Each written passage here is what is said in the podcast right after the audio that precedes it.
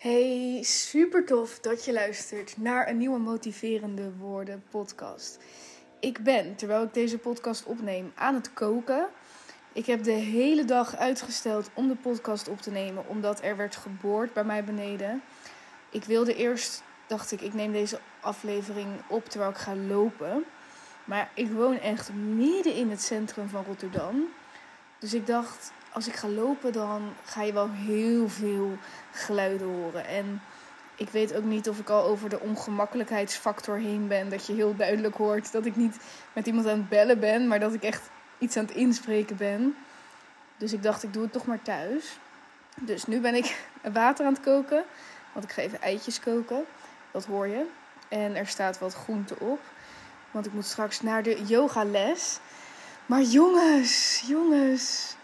De laatste podcast die ik opnam, nam ik op op zondag. En toen was er heel wat spanning voor het onderzoek wat ik maandag moest ondergaan. En nu is het woensdag en het is voorbij. En ik ben zo extreem opgelucht. Ik kan het bijna niet helemaal geloven. Dit is echt iets waar ik jaren tegenaan heb gehikt. Omdat ik het twee jaar geleden, of drie jaar inmiddels, ik weet het niet meer zo goed. Omdat ik het toen eigenlijk al moest. En toen heb ik het afgezegd omdat ik niet durfde. En nou ja, nu weet ik al, denk ik, twee maanden ongeveer dat het echt ging gebeuren. Omdat het echt nodig is. Oh, en ik heb er zo tegen opgezien. En het is gewoon voorbij. Daar ben ik mega blij mee. Het heeft ook wel impact op me gemaakt, moet ik zeggen. Ik heb er bewust voor gekozen om op Instagram niet alle details te delen. Uh, het is sowieso best wel persoonlijk. En ik heb ook wel getwijfeld in, in hoeverre ga je in detail.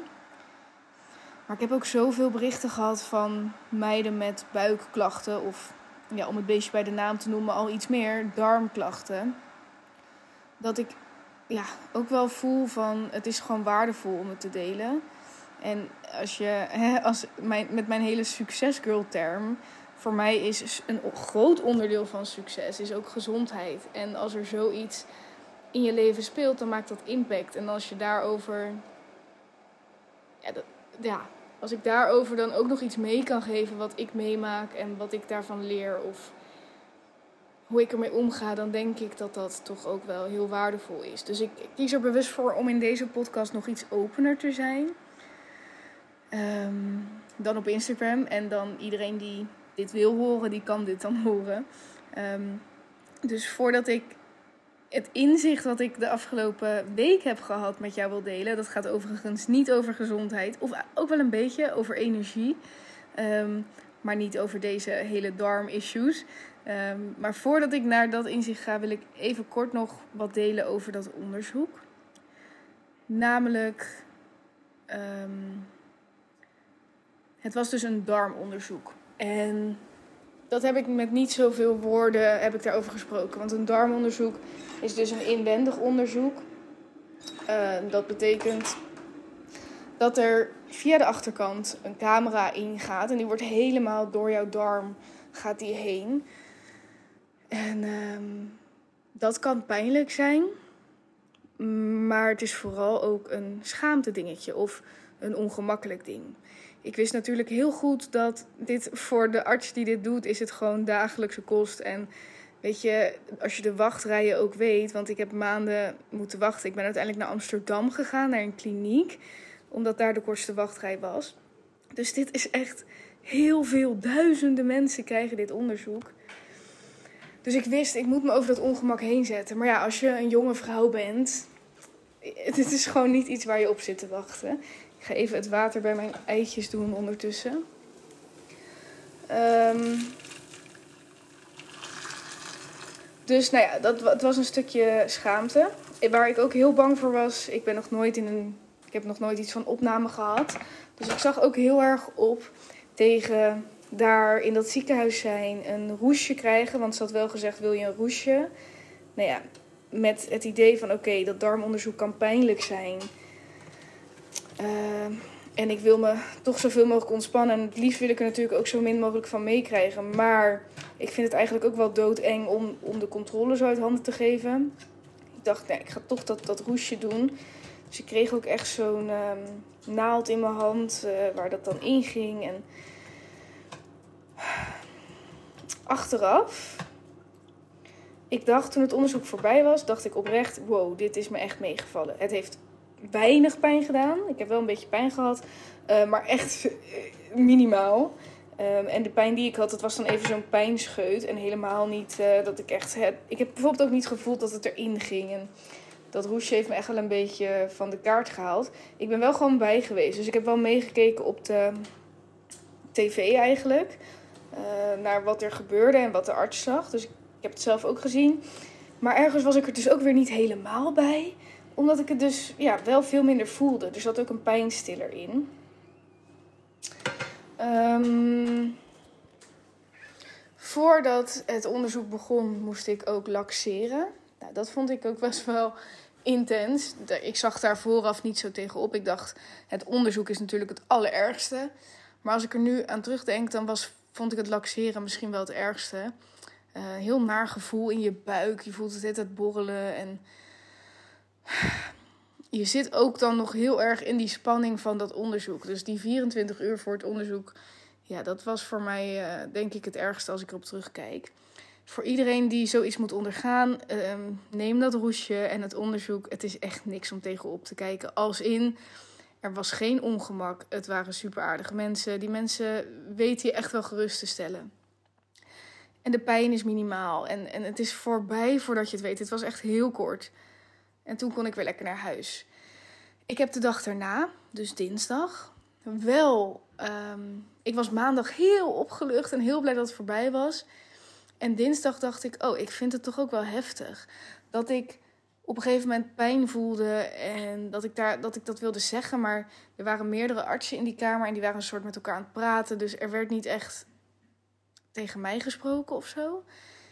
Uh, en ook dat, dat, ik, ja, dat ik dat roesje had en het wel heb gezien, maar ook weer niet helemaal. En het gevoel. Ik moest het toch wel een beetje verwerken dinsdag. Dus toen dacht ik, oh, het, is, het is toch niet niks of zo. Nou ja, ik weet niet of, of, of, dit, of je dit begrijpt. Um, maar goed, mocht je ooit zo'n soort onderzoek moeten hebben, weet gewoon dat je daarna dat je echt wel even de tijd mag nemen om, om te verwerken dat dat, dat lichamelijke toch best wel intensief is en voelt. Maar geen reden om er vooraf zo tegenop te zien. Want neem zo'n roesje of slaapmiddel, dan is de pijn echt niet heel. Um, de mensen weten wat ze doen. Je hoeft, er is niks om je voor te schamen. En ook dat laxeren, ja, ik vond het echt niet leuk. Maar al met al was het, is er echt geen enkele reden geweest waarom ik er zo lang tegenop heb gezien. En wat ik wel even dus niet had verwacht, is dat ik dinsdag er nog best wel mee bezig was in mijn hoofd. Van goh, wat is er gisteren allemaal gebeurd? Uh, wat is er allemaal met mijn lichaam gebeurd? Terwijl ik er een beetje half bij was. Dus, nou ja, nu is het woensdag. Ik heb het allemaal uh, nu redelijk weer achter me gelaten. Ik ben vooral nog steeds heel opgelucht. En nogmaals, ook via deze weg wil ik aangeven dat als je last hebt van je darmen, buikklachten hebt Um, voel je vrij om een DM te sturen. Ik kan met je delen wat ik heb. Um, ja, en wellicht geeft dat je wat support of als je vragen hebt, dan uh, I'm your girl.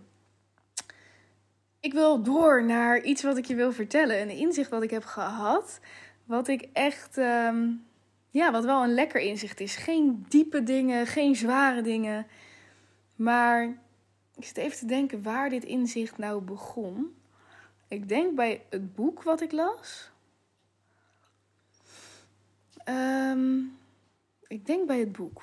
En ik ging zaterdag, afgelopen zaterdag, naar Healthy Fest. Daar was ik met een vriendin. Dat is dus een soort festival met allemaal workouts. Volgens mij heb ik daar in de podcast van maandag ook al over gedeeld. En um, daar was dus een talk en dat ging over hetzelfde onderwerp. Toen dacht ik, nou, als het dan meerdere keren nu op mijn pad komt, dan is het wel iets wat blijft hangen en wat dus ook met een reden wellicht uh, op mijn pad komt. En dat gaat over het gevoel hebben dat je vastzit. Of gedurende de dag dat je denkt, uh, ik, ik ben moe en ik voel me sloom en down en uh, het loopt allemaal niet. Maar ook als je bijvoorbeeld in je leven het gevoel hebt van, ik zit vast. Uh, uh, alles gaat hetzelfde in mijn leven. Ik kom niet los van het huidige patroon en ik wil graag nieuwe dingen, maar het lukt niet. En dat gaat over energie en stromen. En ik heb hier ook een TikTok over geplaatst. Namelijk dat er is altijd leven om jou heen. In jou, jij bent leven, maar er is ook leven in de wereld. De natuur is leven. Er is overal leven om jou heen. Waar leven is, is energie. En energie stroomt altijd. Als je even kijkt naar het bloed wat door je aderen stroomt. Als je kijkt naar op het moment dat je inademt en weer uitademt en weer inademt, daar is constant een stroom van lucht. Als je kijkt naar hoe mensen zich verplaatsen van A naar B, mensen gaan lopen naar plekken toe, mensen gaan met de trein, met de auto, dingen bewegen, dingen stromen. Er is altijd beweging. Dus zelfs als jij stil zit, is er altijd beweging. Jouw bloed stroomt, jouw ademhaling stroomt. Waar beweging is, waar energie is, waar beweging is, is altijd verandering. Jij ademt nooit twee keer hetzelfde stukje lucht in. Dat is altijd veranderd. Jouw cellen delen zich continu ehm, en, en daar is nooit iets hetzelfde in. De tijd tikt continu door en de tijd blijft nooit stil hangen. Het is nooit dezelfde tijd. Op het moment dat het vandaag 12 uur is en het is morgen ook weer 12 uur, is het een andere dag. Zijn we verder in de toekomst. Waar leven is, is altijd verandering. Dat betekent ook dat alles om jou heen continu verandert. Maar wat jij ziet en wat jij voelt, is dat het continu in hetzelfde verandert. Dus er is energie, er stromen dingen, er gebeuren dingen. Alleen ze gebeuren telkens weer naar hetzelfde eindresultaat toe. Ik heb hier niet zozeer een oplossing nu voor je. Ik wil alleen dus dat je dit even goed beseft. Er is altijd beweging. Maar waar stuur jij die beweging heen? Jij hebt daar invloed op. Jouw gedachten gaan een bepaalde richting op. Jouw acties leiden tot bepaalde resultaten. Er is altijd verandering. En als je wil dat dingen naar andere dingen veranderen, als jij andere dingen wil meemaken, dan moet je andere dingen doen, andere dingen denken. En heel vaak betekent dat simpelweg dat iets vertrouwds, iets wat je vaak doet, ga dat eens op een andere manier doen. Begin klein, neem eens een andere weg naar je werk. Verander de route. Ga eens een andere workout doen. Ga naar een andere sportschool. Ga iets nieuws doen. Creëer nieuwe situaties, nieuwe omgevingen. Ja, maar ik wil iets groots veranderen in mijn leven. Ja, ja, ja, ja, ja. Herken je, weet je de vorige podcast nog? Tussenstappen. Niet van 0 naar 100 gaan, maar van 0 naar 10 en van 10 naar 20 en zo door.